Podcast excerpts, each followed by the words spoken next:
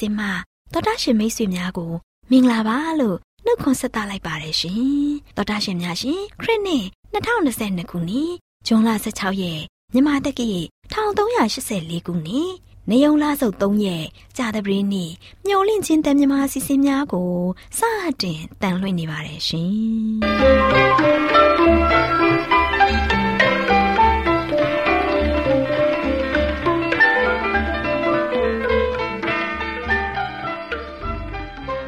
တော်တာရှင်များခင်ဗျာမျောလင့်ချင်းအတန်မြန်မာအစီအစဉ်ကိုနက်နက်6နိုင်မိနစ်30မှ9နိုင်အထိ16မီတာ kHz တစ်ခွန်ခွန်23ညညပိုင်း9နိုင်မှ9နိုင်မိနစ်30အထိ25မီတာ kHz 11943ညမှအတန်လွှင့်ပေးနေပါတယ်ခင်ဗျာဒီကနေ့ကြာသပတေးနေ့မှာထုတ်လွှင့်ပေးမယ့်အစီအစဉ်တွေကပျော်ရွှင်ချမ်းမာခရိယန်သာသနာအစီအစဉ်စံပြအိမ်အောင်ရေးအစီအစဉ် အစာအာဟာရဆိုင်ရာအကြံပေးချက်အစီအစဉ်တို့ဖြစ်ပါတယ်ရှင်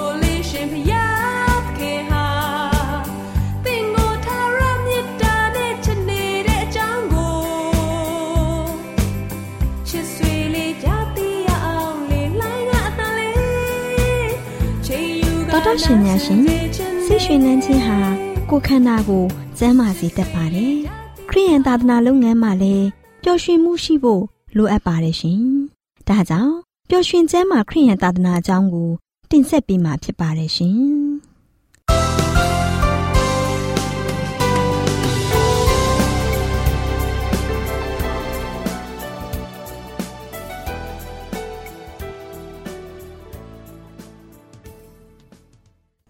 မင်္ဂလာပေါင်းနဲ့ပြည့်ဝနေတဲ့ အခုလိုချိန်မှာတောတရှိများကို မင်္ဂလာပါလို့ဥစွာနှုတ်ခွန်းဆက်သလိုက်ပါရရှင်တောတရှိများရှင်ဝိညာဉ်တော်စာပေဆိုတာလူမျိုးတိုင်းအဆင့်တန်းမရွေပဲကျမ်းမာရေးလူမှုရေးပညာရေးဘာသာရေးတိုးတက်မြင့်မာရေးအတွက်လမ်းညွန်သွန်သင်ပေးနိုင်တဲ့အမုံမြတ်ဆုံးစာပေလို့ပြောနိုင်ပါတယ်ရှင်။ဒါကြောင့်ပျော်ရွှင်ကျမ်းမာခရိယံသာသနာဆိုတဲ့ဝိညာဉ်တော်စာပေရဲ့လမ်းညွန်သွန်သင်ချက်ကို ကျမအနေနဲ့ယုံကြည်ခြင်းအပြင်တို့ထိခြင်းဆိုတဲ့အကြောင်းနဲ့ပတ်သက်ပြီးတင်ပြပေးမှာဖြစ်ပါတယ်ရှင်။သောတာရှင်များရှင်ငါဟာအဝတ်တော်ကိုသာတို့လင်ချမ်းသာရမည်။ဒီစကားဟာ၁၂နှစ်တိုင်တိုင်ယောဂရဲ့ဖိစီးမှုတံကိုခံစားနေရတဲ့အမျိုးသမီးတူရဲ့စကားဖြစ်တယ်။သူမဟာရှိသမျှပစ္စည်းဥစ္စာတွေကိုရောင်းချပြီးဆဲကုပေမဲ့ဆရာဝန်တိုင်းကလက်မြောက်ခဲ့ရပါတယ်။ ဒါပေမဲ့လည်းတကိုးပိုင်သူ၏တည်င်းစကားကိုကြားရတဲ့အခါမှာသူမဟာမျှော်လင့်ချက်တန်းလာပြီးသခင်ယေရှုရဲ့အနာကိုရောက်နိုင်လို့ရှိရင်ပျောက်ကင်းမယ်လို့တွေးထင်မိပါတယ်။မိမိရဲ့သမီးငယ်နာမကျမ်းပြီးအကျွန်ုပ်ရဲ့သမီးငယ်သေလူပါပြီ။သို့တော်လဲကိုတော်သည်ကြွ၍သူ့ကိုကဲတင်ချင်းကသူမ၏အပေါ်၌လက်ကိုတင်တော်မူလျင်အသက်ရှင်ပါလိမ့်မည်ဆိုတဲ့တောင်းလျှောက်တန်ကြောင့်ယေရှုခရှင်ဟာ ဂယုဏတက်ဝင်တော်မူပြီးယူဒကျမ်းတဆရာဇေယမူယာအီရုအိမ်ကိုချက်ချင်းကြွလန်းတော်မူခဲ့ပါတယ်။လူအုပ်ကြီးဟာအင်မတန်မှများပြားတဲ့အတွက်ကြောင့်ခရီးကြာခဲ့ရပါတယ်။ကိုတော်ဟာလူအုပ်ကြီးနဲ့ကြွလာတဲ့အခါမှာအထက်ပါလူနာအမျိုးသမီးရှိရာကို ရောက်ရှိလိုလာပါတယ်။သူမဟာသခင်ခရစ်တော်ရဲ့အပားကိုချီးကပ်ပြီးတောင်းလျှောက်ဖို့အကြိမ်ကြိမ်ကြိုးစားပေမဲ့လူအုပ်ကြီးဟာအင်မတန်မှများပြားတဲ့အတွက်အခွင့်မသာခဲ့ပါဘူး။ ဒါပေမဲ့ယေရှုရှင်ရဲ့ဝိယုံတော်ကိုတို့ထိလို့ရှိရင်လဲယောဂတွေပျောက်ကင်းနိုင်ကြောင်းကိုကြားသိလို့ရှိရင်ရတဲ့အခွင့်အရေးကိုဆုံးရှုံးမခံဘဲ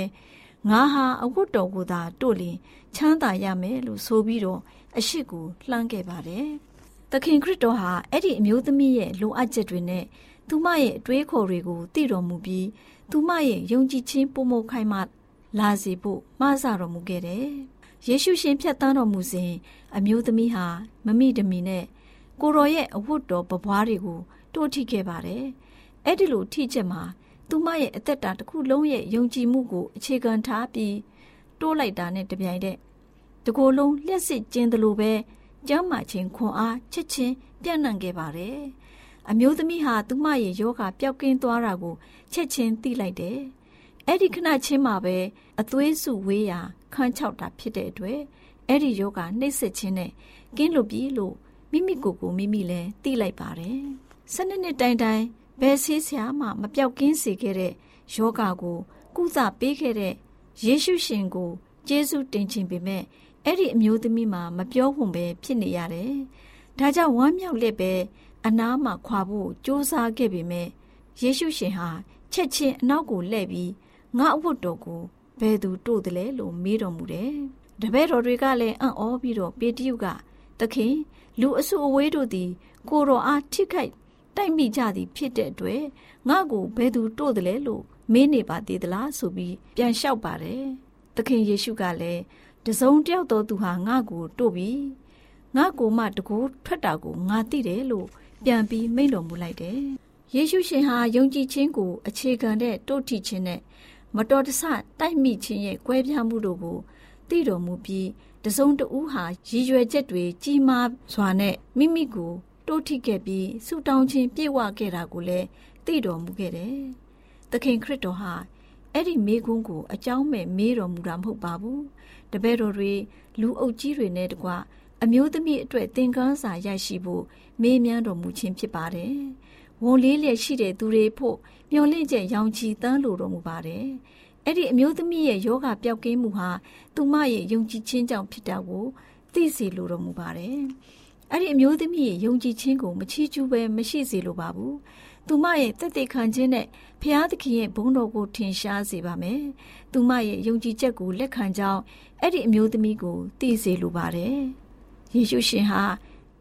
အဲ့ဒီအမျိုးသမီးကိုကောင်းကြီးတဝက်တစ်ပြက်နဲ့မပြန်စေလိုပါဘူး။သူမရဲ့နာကျင်ခြင်းခံစားနေရမှုကိုသိတော်မူတဲ့အကြောင်းကိုကိုရောရဲ့ကြီးမားတဲ့မေတ္တာနဲ့သူမရဲ့ယုံကြည်ခြင်းကိုလက်ခံပြီးယုံကြည်သူအပေါင်းတို့ကိုကယ်တင်မယ်ဖြစ်ကြောင်းအမျိုးသမီးကိုသိစေလိုပါတယ်။ယေရှုရှင်ဟာအမျိုးသမီးကိုကြည့်ပြီးအကြိမ်ကြိမ်မေးတော်မူတယ်။သူမဟာမဖုံးကွယ်နိုင်တာကိုသိပြီးတုန်လှုပ်လျက်ပဲ ကိုရောရဲ့ခြေတော်မှာပြတ်ဝတ်လျက်နေတယ်။ဝမ်းမြောက်တဲ့မျက်ရည်တွေယိုစီးပြီးကိုရောနဲ့လူတွေအရှိမအဝတ်တော်ကိုတို့ထီတဲ့အကြောင်းရင်းနဲ့ယောဂပျောက်ကင်းမှုအကြောင်းကိုပါသက်သေခံလိုက်ပါတယ်။လူသားတွေကိုတနာကျင်တာတော့ပြီးတော့မေတ္တာပြည့်ရှံနေတဲ့နှလုံးသားမှာယူစည်းလာတဲ့စကားတော်တွေကတော့ငါသမီးမစိုးရိမ်နဲ့တင်ဤယုံကြည်ခြင်းဟာတင့်အနာကိုငြိမ်းစေပြီ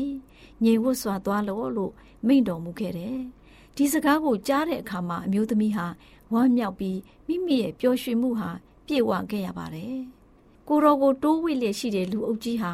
ဘယ်တကူတော့မှရရှိခဲ့ခြင်းမရှိပေမဲ့ယုံကြည်ခြင်းနဲ့တိုးထိခဲ့တဲ့အမျိုးသမီးကတော့ယောဂပျောက်ကင်းခဲ့ရပါတယ်။ထို့အတူပါပဲဝိညာဉ်ရေးအသက်တာမှာ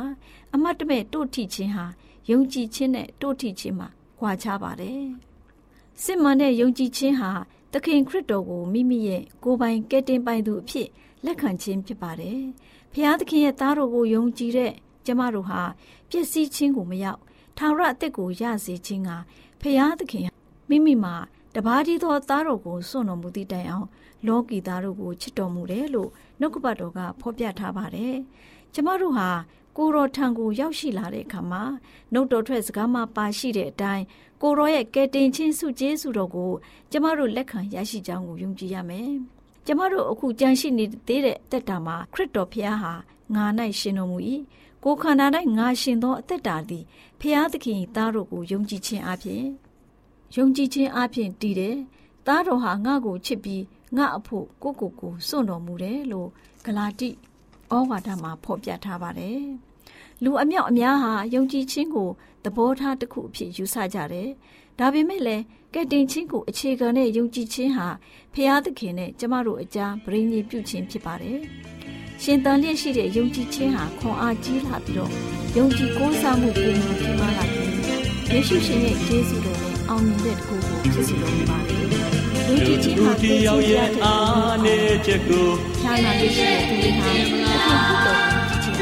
လူတူတယောက်ရဲ့အမှားတစ်ခုအတွက်နဲ့ခန္ဓာနဲ့ဝိညာဉ်ရဲ့အဖြစ်အတော်ဖြစ်စေပါစဉ်းစားပါသင်သည်လေဖြူစင်သလားသင်ရဲ့ဘဝမှာဘယ်သူကများအဖြစ်နဲ့လို့ကိနာလေအကျိုးများမှာဖြစ်ကြောင်းသိရှိပါပါတယ်သောတာရှင်ရှင်ယုံကြည်ခြင်းအဖြစ်တို့ထင်ခြင်းဆိုတဲ့အကြောင်းအရာကိုကြားနာသိရှိရခြင်း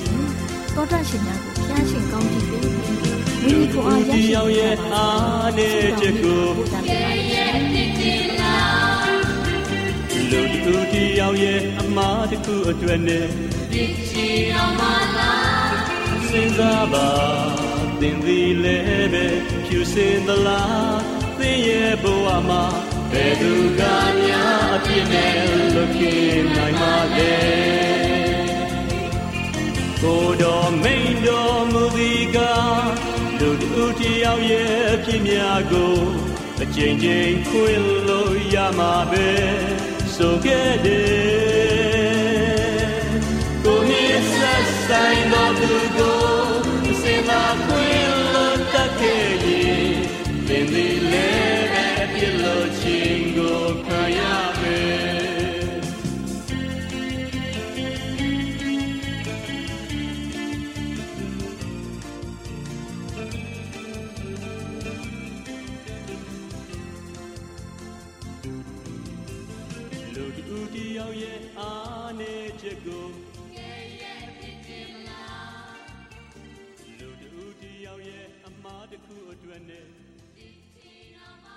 တော်တရှင်များအားလုံးရှင်လန်းချမ်းမြေ့တော်မူကြပါစေ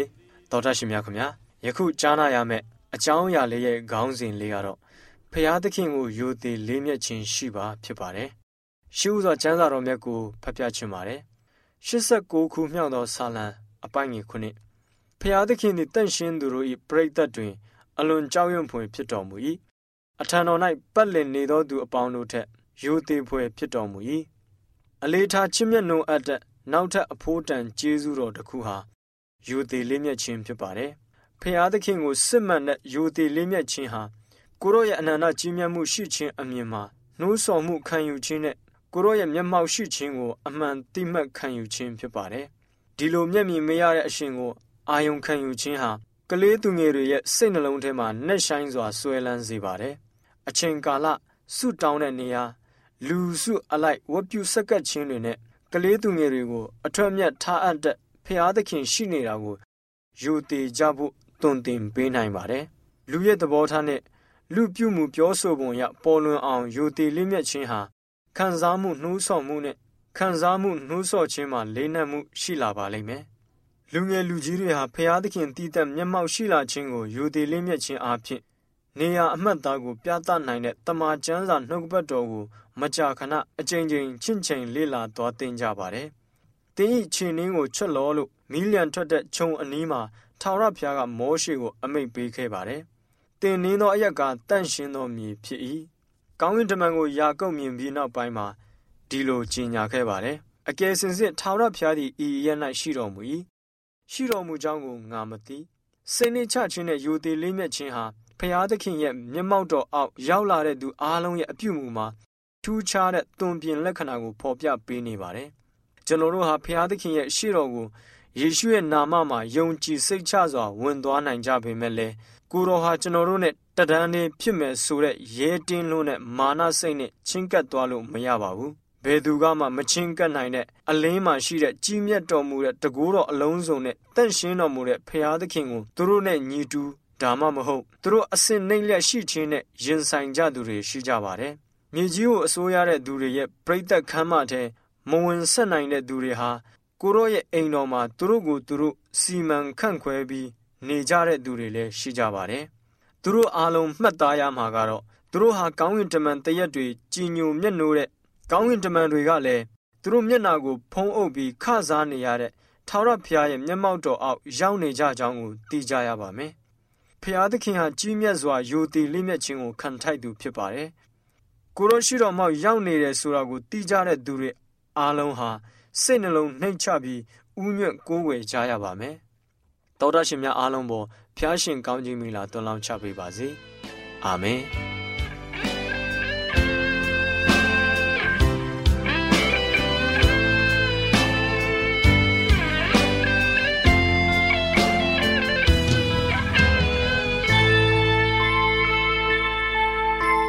ထိတ်ကရှိသောစံရည်လေးလာသူမြတ်တရားရင်ထဲကညွန်နွမ်းသောကမိတွေစေကြောပြီလေမောင်မိုင်းချင်းများနဲ့လမ်းပြောင်းနေသောမာယွင်တွေတွေ့ပုံပေးခဲ့သူရဲ့ချစ်ချင်းမြတ်တာနိုင်လို့မမီဘူးဆိုပြေစွာရာရာတိုင်းလင်းလက်စေခဲ့ဝန်လေးသောသူများနေကြသူများချမ်းသာစေပြီးယုံကြည်ပါ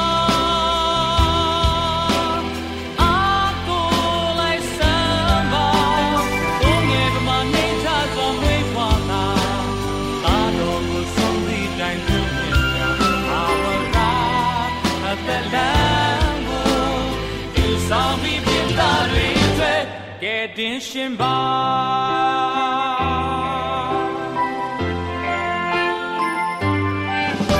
သောလောထားခဲ့သူမြတ်တာပြဆုံးသတ်တော်ဘူးလိုအပ်ခြင်းများလည်းကင်းဝေးခဲ့ပြီးပြေဝနေပြီဒီလောကအတ္တတိုင်းကြီးတွေလည်းကိုပြက်ပြီးမို့ပြန်စင်စားကြည့်လိုက်ဖျားနေဝေးနေတို့တတာပြရင်ကုန်သွားထိုလွင်တဲ့ခေါလောင်တန်လေးတို့လင်းလို့နေမြဲပြသားတွေအတွက်နှွေးထွေးစွာနေ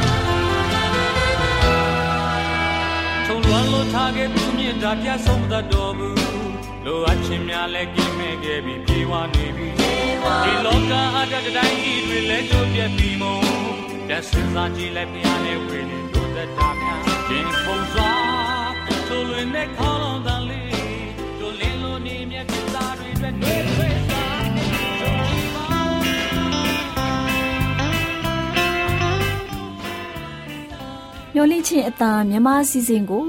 နာတော်တာဆင်းနေကြတဲ့တောတာရှင်မိတ်ဆွေများမင်္ဂလာပါရှင်တောတာရှင်မိတ်ဆွေများရှင်လူသားတို့အသက်ရှင်ရေးအတွက်အစာအာဟာရကိုမျှဝဲစားတောက်ကြရတယ်ဆိုတာလူတိုင်းအသိပါပဲဒီလိုမျှဝဲစားတောက်ကြတဲ့အခါစားတောက်မှုမမှန်ကန်တာတွေ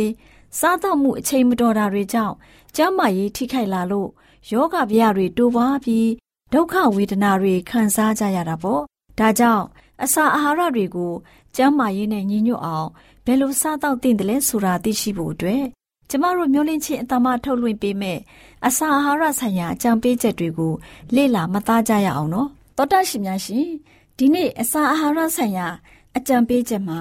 အခြေခံအရေးပါမှုအတွက်မေခွန်းတစ်ခုဆိုတဲ့အကြောင်းကိုတင်ပြပေးမှာဖြစ်ပါတယ်ရှင်သောတာရှင်များရှင်ကျမချင်းပြုပြင်ပြောင်းလဲရေးအကြောင်းကိုကျမတို့ရဲ့လူတွေစီကိုသွားရောက်မျှဝေဖို့အတွက် ဖျားသခင်က ကျမတို့ကိုညွှန်ကြားဖော်ပြတော်မူပါတယ်။အကြောင်းကတော့လူအများစုဟာ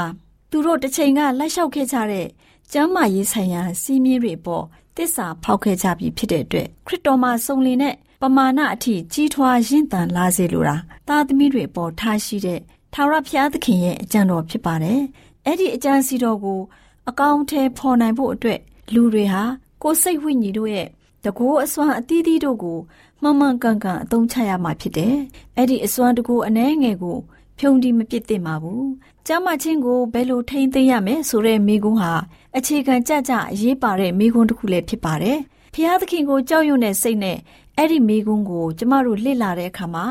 ကိုယ်စိတ်နှပါကျမ်းမာချမ်းသာစေဖို့အလို့ငါအကောင်းဆုံးလှုပ်ဆောင်တဲ့အရာကတော့အစာအာဟာရဆိုင်ရာရိုးစင်းမှုတွေကိုလေ့လာမှတ်သားခြင်းပဲဖြစ်ပါတယ်။ ဒီမေးခွန်းတွေအတွက်ကျမတို့စိတ်ရှည်ရှည်နဲ့လေ့လာကြပါစို့အဲ့ဒီကိစ္စကိုတတ္တိပညာရှိစွာနဲ့ပဲကင်တွယ်ဖြည့်ရှင်းနိုင်ဖို့အသိပညာလိုအပ်တယ်လို့ပဲကောင်းမွန်တဲ့ဆုံးဖြတ်ချက်တွေကိုလည်းလိုအပ်ပါတယ်။တဘာဝတရားတွေဟာကျမတို့ဆန့်ကျင်ရမယ့်အရာတွေမဟုတ်ပဲလိုက်လျှောက်ရမယ့်အရာတွေဖြစ်ပါတယ်။အသားတွေလက်ဖက်ရည်တွေကော်ပီတွေနဲ့မူးယစ်ဆေးဝါးတွေဟာကျန်းမာရေးကိုထိခိုက်စေတဲ့အစားအစာတွေဖြစ်တယ်။ အဲ့ဒီအစားအစာတွေနဲ့ပတ်သက်တဲ့ညွှန်ကြားချက်တွေကိုရရှိတဲ့သူတွေ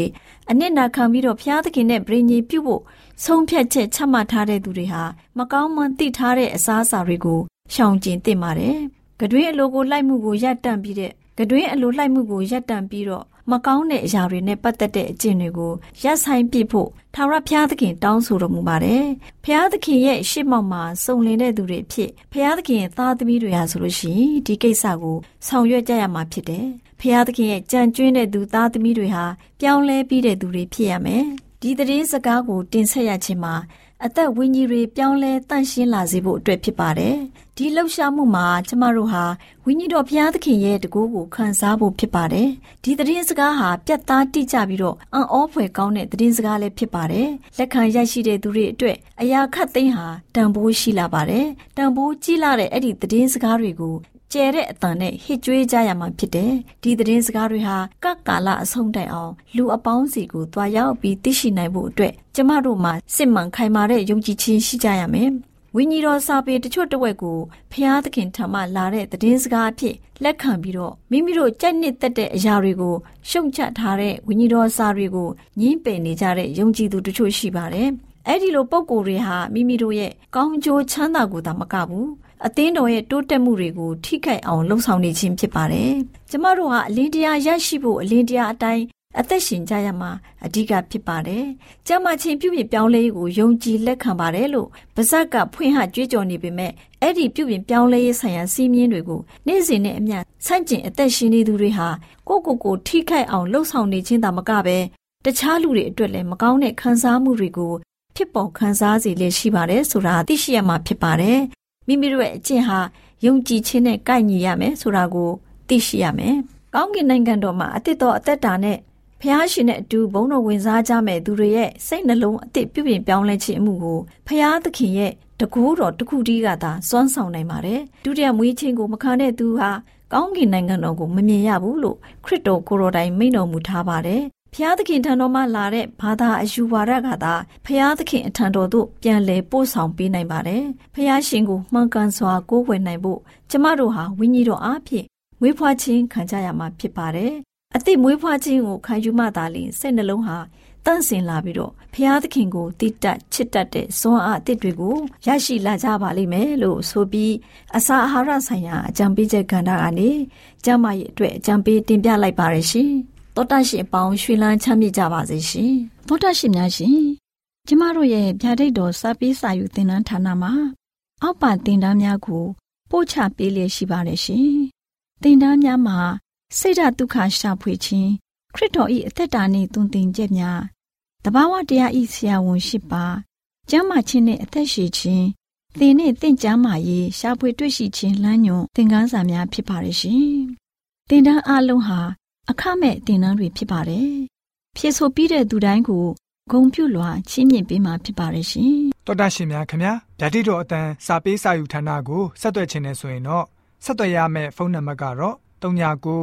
656 296 336နဲ့39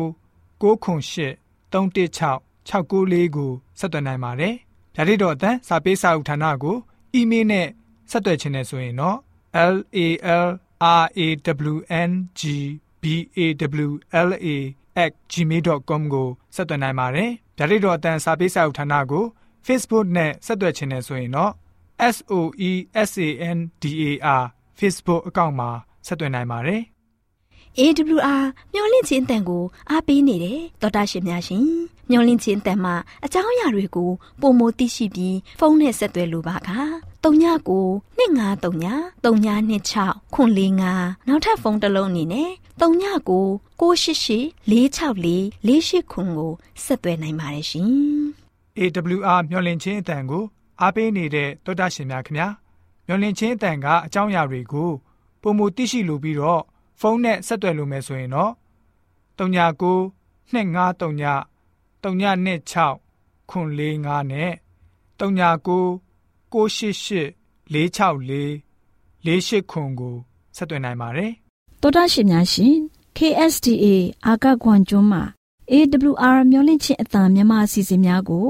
အတံလွှင့်ခဲ့ခြင်းဖြစ်ပါတယ်ရှင်။ AWR မျိုးလင့်ချင်းအတံကိုနာတော်တာဆင် गे ကြတော့တောတာရှင်အရောက်တိုင်းပေါ်မှာ ဖျားသခင်ရဲ့ကြွယ်ဝစွာသောကောင်းကြီးမင်္ဂလာတက်ရောက်ပါစေကိုစိတ်နှဖျားကျမ်းမာရွှင်လန်းကြပါစေကျေးဇူးတင်ပါတယ်ခင်ဗျာ